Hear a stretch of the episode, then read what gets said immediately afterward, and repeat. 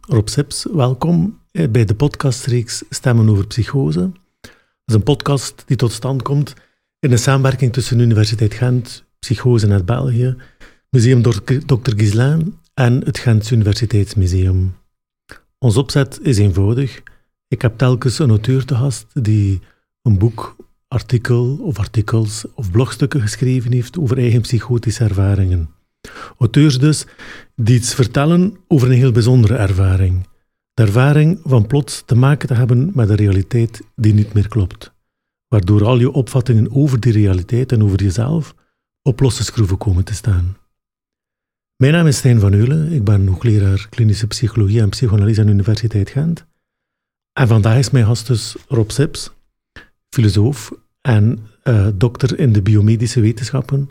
Rob, jij maakte een doctoraatsproefschrift over psychose en je schreef er ook verschillende artikels over in gerenommeerde internationale tijdschriften. Mhm. Welkom. Dank u. Um, de podcast heeft twee onderdelen. Uh, we gaan enerzijds stilstaan bij wat psychose precies is, of beter hoe dat was voor jou ook en hoe jij daarnaar kijkt. En vervolgens gaan we eigenlijk stilstaan bij de vraag van wat er iemand helpt, wat er jou geholpen heeft, om dat opnieuw te boven te komen. De vraag naar een uitweg dus. En concreet gaan we werken met een aantal citaten uit jouw werk. In uw geval gaat het eigenlijk over een aantal artikels die je geschreven hebt. Mhm. Um, ik heb jou gevraagd om twee citaten te selecteren. Ik heb er ook twee geselecteerd. Ja. En op die manier gaan we eigenlijk uh, proberen dat wat helder te krijgen, die twee vragen. Hè? Ja. Goed, dus ik zou zeggen, we gaan meteen van wal steken en uh, met een eerste citaat starten. Een citaat dat jij mag uh, inbrengen. Oké, het is het eerste citaat. Um, dit citaat komt uit een artikel dat ik schreef, het eerste dat ik publiceerde in Schizophrenia Bulletin heet het. Um, en het gaat als volgt. Hoewel wanen en de gevolgen van het hebben van wanen beschamend en beangstigend kunnen zijn, is het voor mij niet enkel dat aspect van psychose dat zo verwoestend kan zijn. Het is het complete verlies van perspectief op de wereld en hoe je eerder naar dingen keek. Naar jezelf, naar je vrienden, familie, naar letterlijk alles in de wereld. Ik probeerde in deze paper aan te tonen dat een belangrijke consequentie naar herstel toe is dat er niet één vaststaande realiteit of één perspectief is waarnaar kan teruggekeerd worden na psychose. Herstel was voor mij minder een kwestie van het verliezen van waanovertuigingen, maar meer een van een, herstel van mijn comprehensie of begrip van de wereld en een hervinden van vertrouwen in de manier waarop ik mezelf en anderen zie. In het begin was het alsof ik een toevluchtsoord vond in de wereld van anderen, terwijl de wereld die ik daarvoor kende uit elkaar verscheurd was. Na latere psychose echter werd herstel sterk gefaciliteerd omwille van de rollen, structuren en relaties die ik had opgebouwd, die nog steeds recht stonden. Oké. Eerste citaat. Wel, wat mij daarin opvalt, dat is eigenlijk dat idee van perspectiefverlies. Dat je dat eigenlijk zo centraal stelt. Ja. Kan je daar iets meer over zeggen, wat dat, dat precies inhoudt? Zo? Ja, ja er zijn, um, met betrekking tot perspectief gegeven zijn er heel veel momenten, denk ik, in psychose en, en fasen ook. Fasen die ook, ook zo verschillen van persoon tot persoon. En, um, maar het eerste waar ik aan moet denken is misschien niet, zoals ik hier ook een beetje aanhaal, uh, zijn niet de waanovertuigingen of, of wat men dan um, bedoelt als men spreekt over hallucinaties, maar het gegeven van een compleet verlies van perspectief. In de zin van um, plaatsen waar je vertrouwd mee bent, of mensen waar je vertrouwd mee bent, of een beeld dat je legt op de dingen. Het verlies daarvan, dat zorgt voor een totale, een onbeschrijfelijk gevoel. Uh, een, een, het is beschrijfelijk, maar een, een gevoel van totale ontgronding en een, totale vervreemding van alles overal. Wacht, maar je zegt dus eigenlijk van, het is niet zozeer wat er klassiek beschreven wordt als die symptomen van psychose. Stemmen horen bijvoorbeeld, als hallucinatie. Of uh, dingen zien in de werkelijkheid die andere mensen niet onderscheiden. Het is niet zozeer dat. Het is ook niet zozeer de opvattingen, waanopvattingen die je kunt hebben. Dat is niet zozeer wat dat er zo erg aan is. Maar dat andere aspect, zo, die grondeloosheid, voor mij is sowieso die, die grondloosheid het, het ergste. En, en over, over de andere zaken, eh, bijvoorbeeld over het uh, dingen zien of dingen horen, of het horen van stemmen. Of, ik denk dat dat. Ik denk dat psychose ook een groot containerbegrip is. En je, je, je, je ziet ook in, in, in onderzoek, in wetenschap, er is een grote zoektocht naar een soort van coherentiebegrip. Maar dat zijn ook heel veel verschillende aspecten die, die, die relaties kunnen hebben, maar die ook verschillend van elkaar kunnen zijn. Zo, is, zo zie ik dat. Ja. En is dat perspectiefverlies dan voor u een beetje een rode draad? Voor ja. de wereld rondom u herken je niet echt niet meer? Of Ja. je weet ook niet meer wie dat je dan zelf bent in die wereld? Voor mij is dat de rode draad van psychose. Ehm. Maar ik denk ook er zijn verschuivingen in dat begrip. En voor anderen zal misschien een andere focus, of een andere nadruk of een ander aspect. Ja. Ehm, Maar in de context van jouw doctoraatsonderzoek ben je ook in gesprek gegaan met mensen die omwille van een psychose in opname geweest waren. Hè? Ja. Is dat iets dat je daar ook herkend hebt bij hen? Absoluut, absoluut. Ik heb het bij veel mensen herkend. Ehm, ehm, ja, nee, ik heb veel dingen herkend. En ik heb ook, daar herkend, wat, ik ook een beetje uitdruk, eh, dat eh, bijvoorbeeld het stemmen horen en ja, dat er ook onderscheidingen zijn en verschillen zijn in, in, in wat er onder dat begrip wordt. Um, dat ik aanhaal van die grondeloosheid, eh, dat is zeker een, een, een ding dat in het doctoraat, eh, ook in de, de, van anderen, dat ik heel hard herkende. Ja. En dat klinkt nog altijd zeer abstract natuurlijk. Hè? Zo, de grondeloosheid, verlies van perspectief. Maar wat doet dat met u op zo'n moment? Ja, ik ga eerst een analogie, misschien een analogie en dan een beetje filosofie. Ja. Het, het deed mij een beetje denken, of, of het gaf mij het gevoel, eh, ik weet niet of je ooit ehm, in de baan van de ring, Lord of the Rings, hebt gelezen. Mhm, Ja, Eh, de eh, films zien natuurlijk ook. Ja, En dus de, de hobbits vertrekken in, eh, in de gauw en ze, ze gaan een heel tocht door, een, eh, een lange, zware tocht, eh, waarbij ze komen te staan tegenover de legers van Mordor en de, de grootste verschrikkingen. Maar ze komen terug uit die grootste verschrikkingen en ze komen voor een poort te staan bij de gauw, waar s- sommige van die, van die hobbits zijn gegroeid en er is van alles gebeurd. En, maar ze mogen niet meer binnen in de gauw. En voor mij is het een beetje, die ondeelbaarheid is een beetje zoals dat. Of, of nu heb ik een ander aspect natuurlijk, maar, maar het is alsof je de legers van Mordor bent gaan bevechten en, en de vernietiging van de wereld hebt gezien en je komt terug aan de poort van de gauw en de poortwachter in de gauw zegt, eh, je mag niet binnen. Allee. ja. Maar nu lijkt het alsof ik de nadruk op het niet binnen leggen, leg, maar ik bedoel ermee eigenlijk, eh, ehm, ja, het is misschien niet Mij doet het denken aan Ja. eenzaamheid, eenzaamheid, ja. als je dat zo beschrijft. Mhm. Ehm, eh, zoals de hobbits die weg zijn, hij maakt een tocht door, Mhm. Ehm, en dan plots sta je daar voor de gemeenschap en, en je vindt die connectie niet meer. Zeker, zeker. Het is, het is, het is een op bepaalde manier zeker een alleenstaan. Eh, op een bepaald- maar onze levens zijn... dat is niet uniek aan psychose natuurlijk, maar, maar het is wel een heel abrupte eh, loskoppeling van een eerder gedeelde en aanvaarde realiteit. Ja. Ja. ja. Maar in die zin lijkt het inderdaad een soort doorgedreven ehm, ervaring van iedereen kan zich wel een keer alleen voelen eh, bij, op punten van mentale crisis.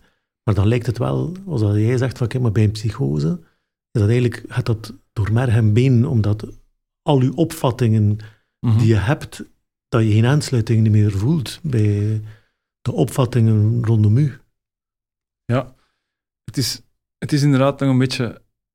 Ik, ik denk zowel een overtuiging van mij, maar een overtuiging die je ook terugvindt in de, in de fenomenologische opvattingen van, van, over psychose, die zo een, lange geschiedenis hebben.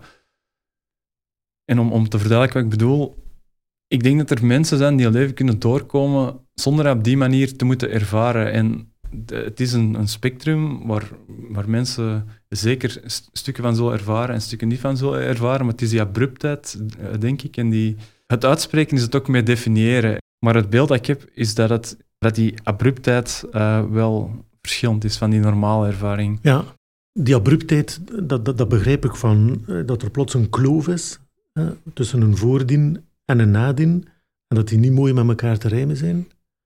En dan vraag ik mij af van, leidt dat enkel op zo'n moment tot perplexiteit en dat niet goed begrijpen?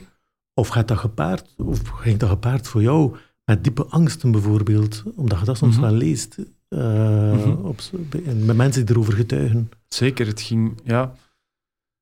Ja, het, het- iets wat ik terugzag in die interviews en wat ik zelf ook herkende, was dat het, eh, eh, zoals ik ook beschrijf met die aha-ervaringen, inzichtervaringen, het, het, het begint, het begon voor mij, maar nu loop ik misschien vooruit op, op citaten, maar het begon voor mij met, met, met de dingen op een heel andere manier zien, met, wa- waar ik eerst me heel afgesloten voelde van dingen. Eh, Er gaat een, een leven aan vooraf, of een bepaalde situering aan leven. Ehm, waar nu dingen terug open gingen, waar ik nieuwe perspectieven op dingen zag.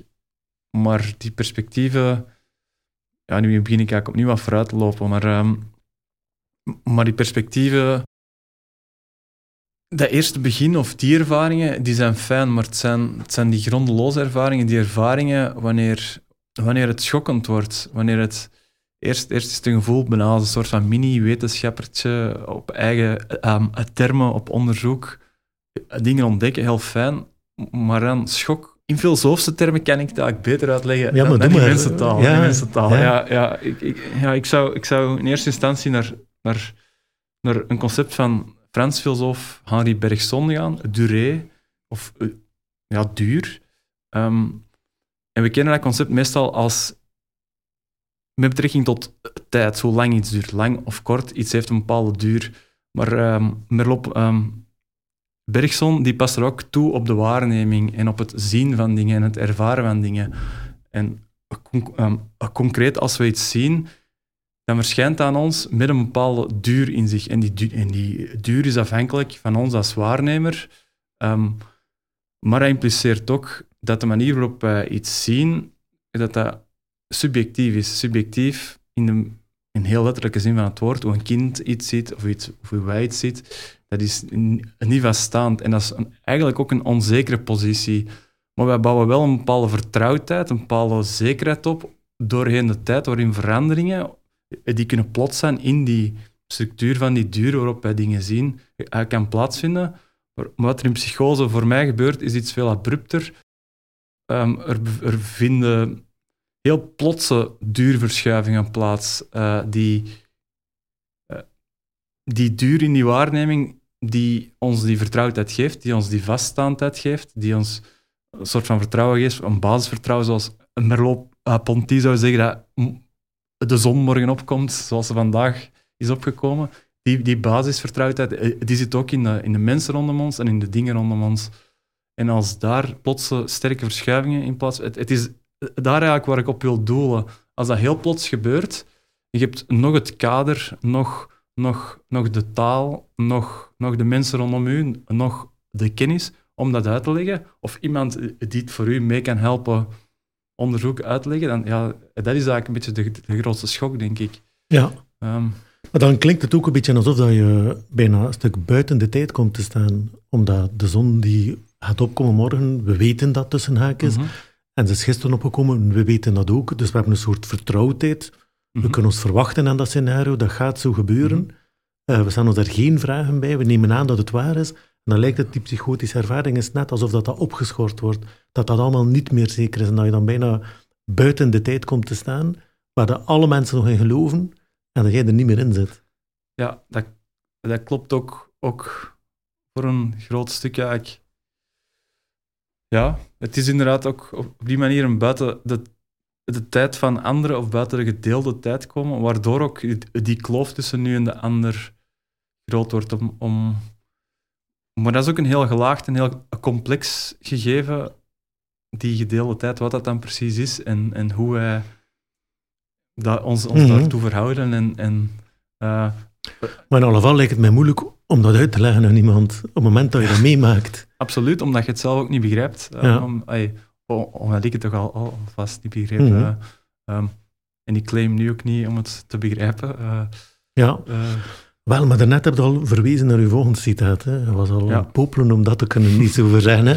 Laten we meteen dan een keer naar over gaan. Misschien moet je dat nu eerst lezen. En gaan we dan eh, op die, dat onderwerp verder gaan. Oké, dus dat was eh, dit stuk dan. Dat komt uit een ander artikel. Hè.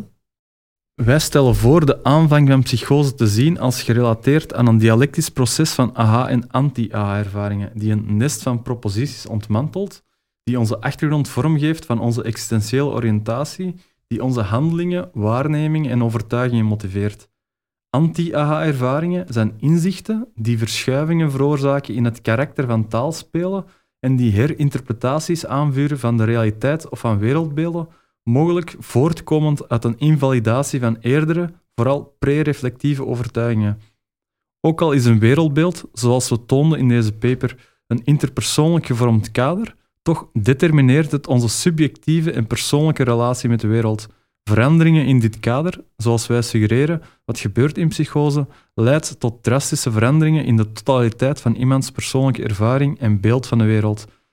Zoals ons eerder voorbeeld van het ondermijnen van dingen, woorden en concepten illustreren. Ja, het laatste stuk refereert naar een deel dat hier niet wordt behandeld. Ja, oké. Iedereen die luistert, die zal denken, het is een echte filosoof die spreekt. Dat is een echt filosofisch citaat natuurlijk. Hè. Um, waarbij dat je verwijst naar, tussen de regels door, naar het werk van Wittgenstein. Want die paper was ook, denk ik, daarop sterk gebaseerd. Hè. Maar misschien moet je daarover kort iets zeggen van, uh, het gaat er over taalspelen, um, het gaat over een zogenaamd nest van proposities. Misschien moet je dat eerst even toelichten, wat ik daar kan onder begrijpen, onder die twee begrippen zo. Oké, gaan we eerst proberen om een beetje het concept van taalspelen van Wittgenstein uit te leggen. Um, ik ga beginnen met het voorbeeld dat hij zelf geeft, misschien om dan het iets breder te maken. Hij geeft zelf, denk ik, als eerste voorbeeld in zijn filosofische onderzoekingen een, een, uh, het voorbeeld aan van de taal tussen een metser en een metserdiener, denk ik. En uh, uh, die in hun gebruik, ze hebben twee objecten bij zich. Uh, een slap en een brick. Ik weet niet meer wat precies de Nederlandse vertaling van een slap is, maar een brick is een baksteen en een slap, laten we het een dekpan noemen.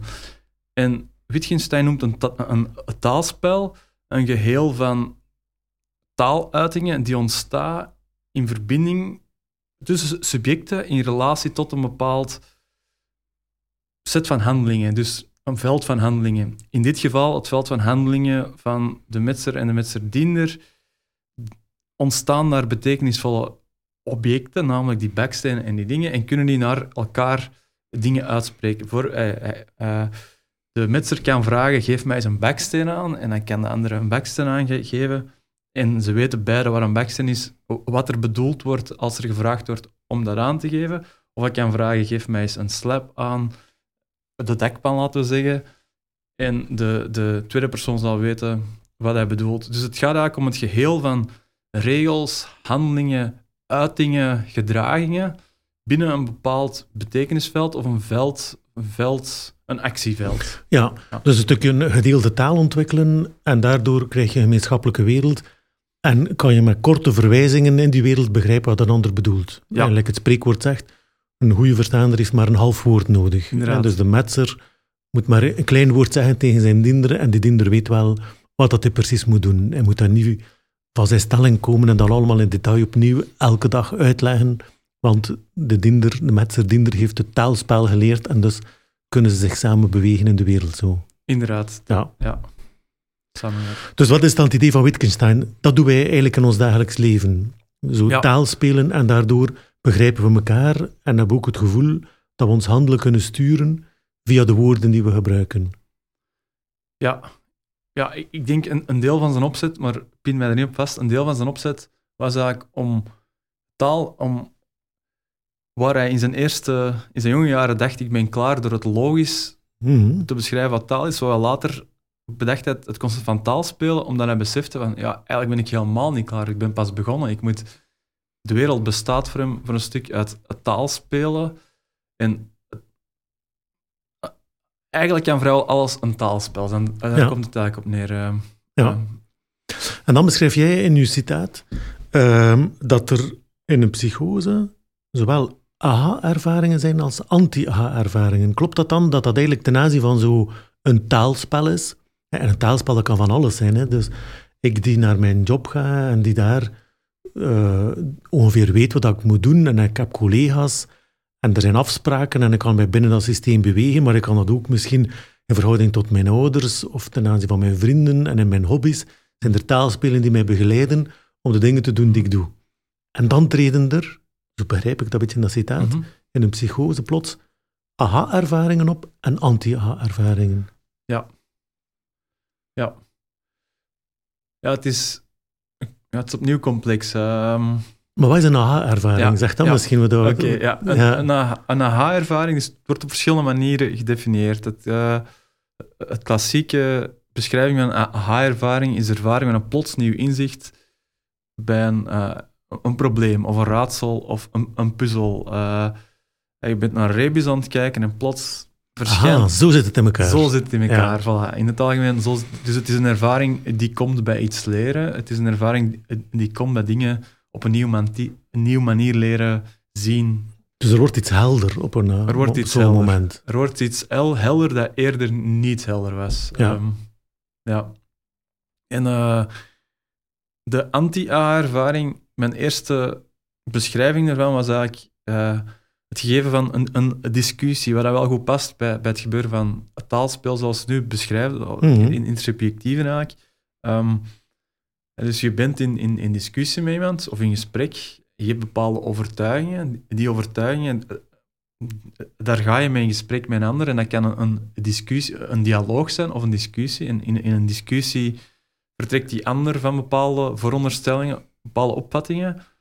Um, maar wanneer nu plots blijkt dat je eigen overtuigingen over iets binnen een bepaald uh, taalspel niet kloppen, dan, dan worden je eigen veronderstellingen eigenlijk een beetje onderschroefd. Omdat je opvattingen, de manier waarop je naar dingen kijkt, uh, die verliezen hun vaste grond in een bepaalde houding ook natuurlijk. Maar, um, alsof dat je dan plots niets meer kunt geloven, of niet meer kunt geloven dat je gedachten en de taal, alsof dat, dat op iets slaat? Is het zo? Ja. Ja, het is heel existentieel ook eigenlijk. Die, die, met die uh, anti-AHA-ervaring, maar eigenlijk voor een stuk met die AHA-ervaring, druk ik ook iets heel existentieel uit, omdat het, omdat het um, voorgaande manieren van zijn, manieren van kijken, manieren van denken, maar het heel ondermijnend werkt naar, uh, naar eerdere manieren van, van ja, naar eerdere grond eigenlijk. Ja, dus existentieel doet mij denken van het is uw volledige bestaan dit erin betrokken zit. Want zowel als er iets duidelijk wordt, dan lijkt het alsof dat, dat jij volledig daardoor wordt begeesterd. Maar op dezelfde manier, als er plots het gevoel ontstaat dat de dingen niet meer kloppen, dat dat evenzeer een enorme, bijna afbreuk is aan, aan, u, aan uzelf en aan uw zelfgevoel. Alsof dat het gebouw van, van de taalspelen en de woorden en de gedachten, alsof dat, dat een ruïne wordt en, en in elkaar stort.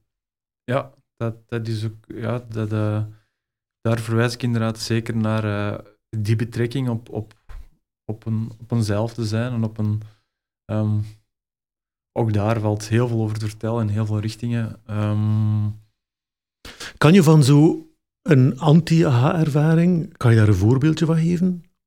Het, wat je zelf meegemaakt, of misschien ook wat je zo in de interviews gehoord hebt, die je deed ook met mensen die psychoses hebben meegemaakt? Ja. Ja, nu moet ik even denken. Um,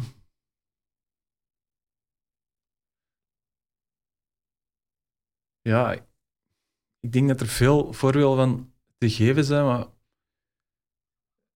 in mijn waar ik nu eerst aan moet denken, is aan uh, de eerste keer dat ik zelf in een, in een, uh, in een, in opname kwam, in zo'n een, een paasafdeling, een spoedafdeling. Ik ben er alleen en dat, dat proces, zoals ik er was al sinds, dat, dat loopt verder en dat, dat, het is, en zo, zo hebben anderen het ook beschreven in mijn interviews, het, het, het, het kan echt een, een, een heen en weer zijn, een, een, een, een proces dat, dat, dat in jezelf afspeelt, maar en met in jezelf bedoel ik, het is niet alleen in jezelf, het is ook daarbuiten, maar als je er alleen bij bent, dan, dan is het een proces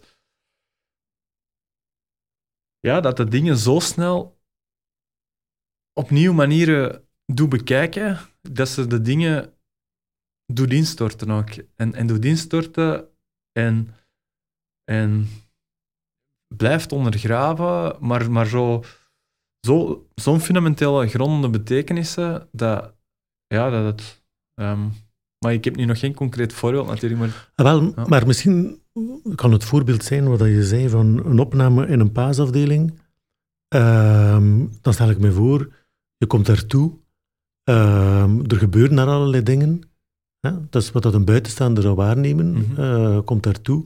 Er zijn er mensen die vragen stellen, die je begeleiden op een bepaalde manier. Mhm. Maar klopt het dan dat die anti-H-ervaring ook betekent van dat je dat eigenlijk allemaal radicaal niet begrijpt en niet kunt volgen wat dat daar gebeurt en dat dat daardoor zo bevreemdend is en dat wat de anderen daar menen te zien en te begrijpen, dat dat voor jezelf niet klopt? Ja, ja, dat ook. En waar ik aan moet denken, terwijl je dat aan het uitdrukken bent, ehm, ook de veronderstellingen die je over die dingen hebt. Hè, dus over, over, over ehm, dezelfde veronderstellingen dat iemand heeft eh, van een ziekenhuis, een psychiatrisch ziekenhuis, dat er wanneer je in een bepaalde toestand bent, dat er de gepaste hulp dan is. Maar ook, ook die veronderstellingen worden, zonder met, niemand eh onrespect aan te willen doen, ook die veronderstellingen worden onderuit gehaald. Mhm. omdat, om- omdat je ook daar alleen staat op een bepaalde manier. En, en, en omdat daar die, die hulp waar je eigenlijk op hoopt, Mhm. dat die daar is, omdat die er eigenlijk niet is op die moment. Ja, Terwijl je ervan uitgaat dat, ah, dat, maar dat is toch een ziekenhuis, dat is toch een... ja, of, ehm, ja. maar nu klink ik heel, heel, heel kort door een bocht, als, hè, maar... maar ehm, Maar het lijkt ook het niet kunnen geloven of niet kunnen voorstellen wat die hulp zou zijn of dat die hulp daar zou komen. dat ook, dat ook, absoluut. Ja, ja, dat ook. Hm. Ja. Ja, maar, misschien toch iets heel concreet. En op- opnieuw zonder, zonder kritiek te willen leven op iets of iemand. Maar, maar ehm, het, het gegeven van dat je dan in zo'n toestand bent waar, waar, waar in jezelf of, eh, je complete blik op de dingen en op de werkelijkheid wordt ondergraven. En dat men u dan een persoonlijkheidsvragenlijst geeft om in te vullen, dat, is, dat, is, dat betekent niks meer op die moment. Dat, dat Ja. Uw antwoord kan twee seconden later een ander antwoord. oh, hey. maar, maar nu ben ik ook opnieuw gericht op iets. En ik bedoel het opnieuw niet een aanzien van iets van iemand, maar ik wil maar gewoon beschrijven. hè. Ja, Ja. ja. Maar dus dat eigenlijk de, de zogenaamde professionele handelingen die gesteld worden, zoals een, u een vragenlijst laten invullen om te snappen wat uw problematiek is, Ja. zo kijkt de professional ernaar, dat Ja. dat voor u op dat moment zo vreemd overkomt, dat je dat eigenlijk ook, het invullen alleen al van zo'n vragenlijst, ja, iets is wat je u niet kunt voorstellen dat je dat jezelf zou in uitdrukken. Ja, ja, ja, ja. ja, dat is ook een manier om het te formuleren. eh, ja. Hm. Ja, nee, ik bedoel eigenlijk vooral dat dat, dat dat op die moment niet de nood is.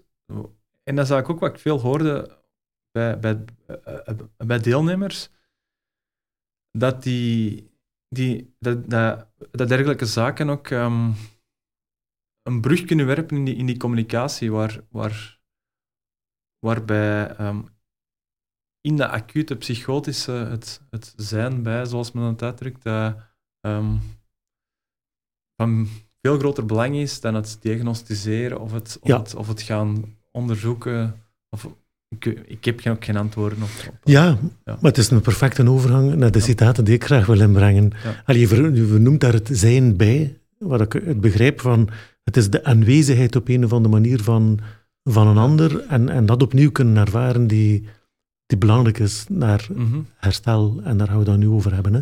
Dus ik ga even mijn papieren erbij nemen om een citaat te, te lezen die voorkomt uit dat eerste artikel waar jij ook uit geciteerd had. Hè. En, en dat artikel die gepubliceerd is in Schizophrenia Bulletin. Ik lees voor. Hoewel ik vijf psychotische episodes heb meegemaakt, waarvan twee leiden tot een psychiatrische opname, was herstel en groei niet het resultaat van het vinden van de juiste medicatie. Voor mij waren neuroleptica zelfs een obstakel bij herstel. Iets wat ik niet zou hebben ontdekt als ik niet had gestudeerd en gewerkt.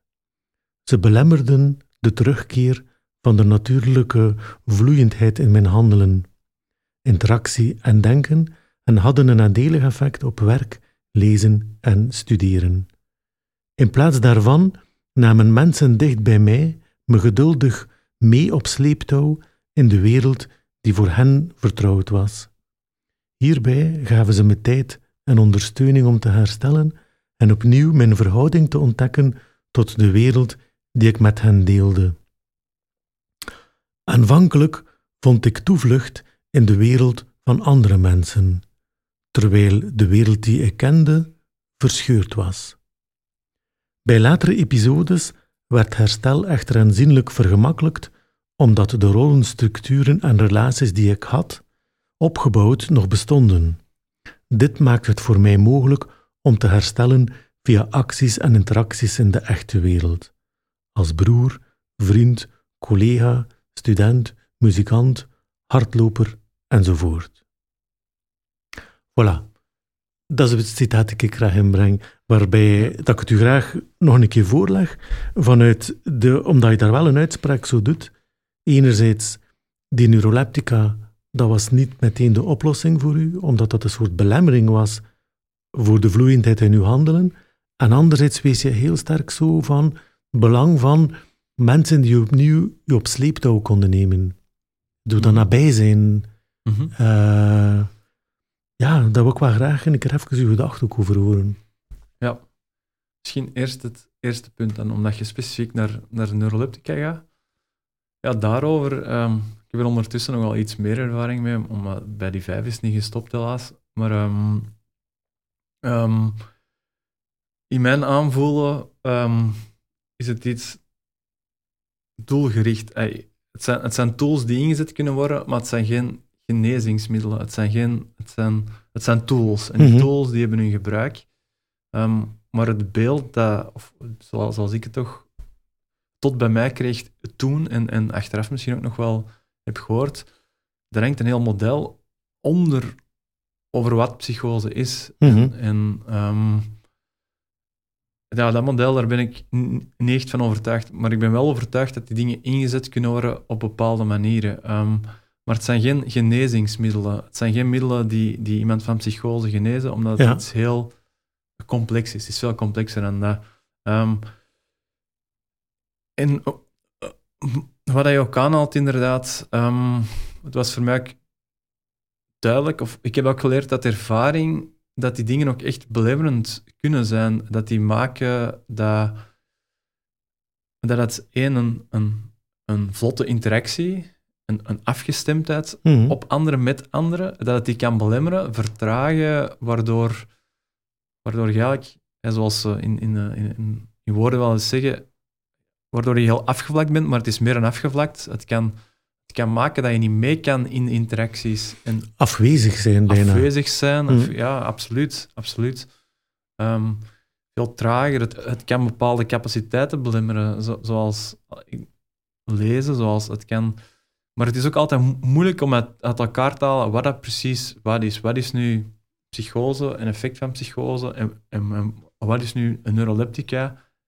Want ook, uh, ook, psychose zelf en de impact daarvan, en dat is ook iets dat een effect heeft. En dan, um, maar wat voor mij vooral belangrijk was om te zeggen daar, is dat, is dat dat herstel niet het gevolg was van die juiste medicatie te vinden, maar dat herstel iets is dat plaatsvindt in die actie en interactie met anderen. En in het opnemen van rollen, in het dingen doen, in het meegenomen worden in de stroom van bewegingen. En dan komen we misschien terug een beetje op het concept van daar straks, van die gedeelde tijd. Die gedeelde tijd is een beetje ook een gedeelde synchroniciteit en een gedeelde beweging als een school vissen die zwemt. En het is door terug in die school mm te, bewegen dat je die synchroniciteit of die beweging, gedeelde beweging terug uh, vindt. Ja.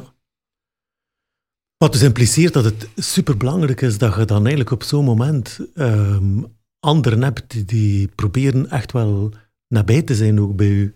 Mhm. En die u niet als raar bestempelen mhm. of als anders, maar zoveel mogelijk als van uitnodigend om samen in, in, in hetzelfde mhm. een stukje te stappen, dezelfde activiteit of een, of een, of een interesse of zo. Inderdaad, daar, daar ben ik het ook helemaal mee eens. Omdat uh, dat was ook iets dat mij heel hard beangstigde altijd. Uh, Zo'n diagnose kan u gaan afzonderen. En als zelf, als het, als het eigen perspectief op de wereld helemaal een ruïne is, door, als je dan meegenomen wordt in die wereld van anderen, dan verschijnt die wereld wel opnieuw terug. Uh, um, als betekenisvol. Maar het is dat alleen staan na zo'n psychose, het is de, de, ja, de hoeveelheid van, van dingen. Het is een heel. Uh, het is moeilijk om uit te drukken en, het maakt mij, eh, maakt mij een beetje emotioneel ook. Um, maar het is. Um, maar het lijkt ook die uitgestoken hand van een ander die u terug mee op sleeptouw neemt en terug ook mee in, in een gedeelde taalspel, bij wijze van spreken, kan betrekken. Ja. Als je zo schrijft van, het is opnieuw, door opnieuw broer, vriend, collega, student, muzikant, hardloper te kunnen zijn, waar je eigenlijk weer samen met anderen. Meegenomen wordt in activiteiten, dat dat hetgene is die u ook helpt om opnieuw er te staan. Inderdaad, helemaal mee eens. Dat is een goede samenvatting ook. Ja. Ik ga er nog een tweede citaatje bij halen uit datzelfde artikel. Bouwt erop voort. Hè. In mijn ervaring schrijf je, om wat herstel een actieve opdracht waarin mogelijkheden en het opnemen van rollen gestimuleerd en ontwikkeld moet worden. Veel kan worden bereikt door fysieke, interpersoonlijke en cognitieve uitdagingen aan te gaan die aansluiten bij iemands mogelijkheden en plaatsvinden in de echte wereld. Dit proces gebeurt niet van de ene dag op de andere en niet zonder vallen en opstaan. Je moet aanvaarden dat de impact even pijn zal doen en dat je na het vallen telkens opnieuw moet opstaan, tot je uiteindelijk een expert bent in het telkens opnieuw opstaan. Ja. Dat is het einde van de citaat. Ik vind dat alleen prachtig ook hoe dat je dat verwoordt van ja, dat je een stuk een expert wordt in het telkens opnieuw opstaan. Ehm, ja, ik vind dat ook een hoopvolle boodschap van, ook al stort de evidentie op een bepaald moment in, mhm. ehm, je kan weer opstaan. Mhm. En je gaat dat af en toe opnieuw moeten doen, maar dat kan wel. Ja. En daar kan je een zekere ja, finesse in ontwikkelen, een zekere ja, daar niet zo van de kaart meer van zijn ontwikkelen en dit is een beetje een expert daarin worden. Ja. Nee, nee, inderdaad. Ja. Ja, eh, het is die kwestie ook inderdaad. Ik moet aan, aan allerlei dingen denken. Toen we begonnen met dat citaat te zeggen, moest ik denken aan een citaat dat ik aanhaal in mijn doctoraat van Elaine Sachs, uh, de, de, Amerikaanse.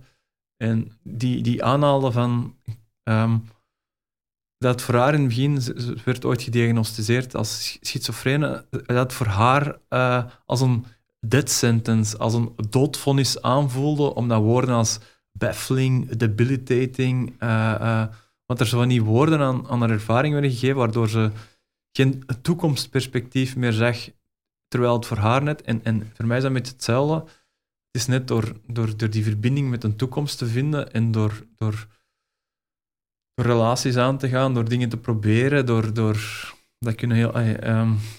Ja, dus eigenlijk het fatalistische taalgebruik die er is rond psychose, mhm.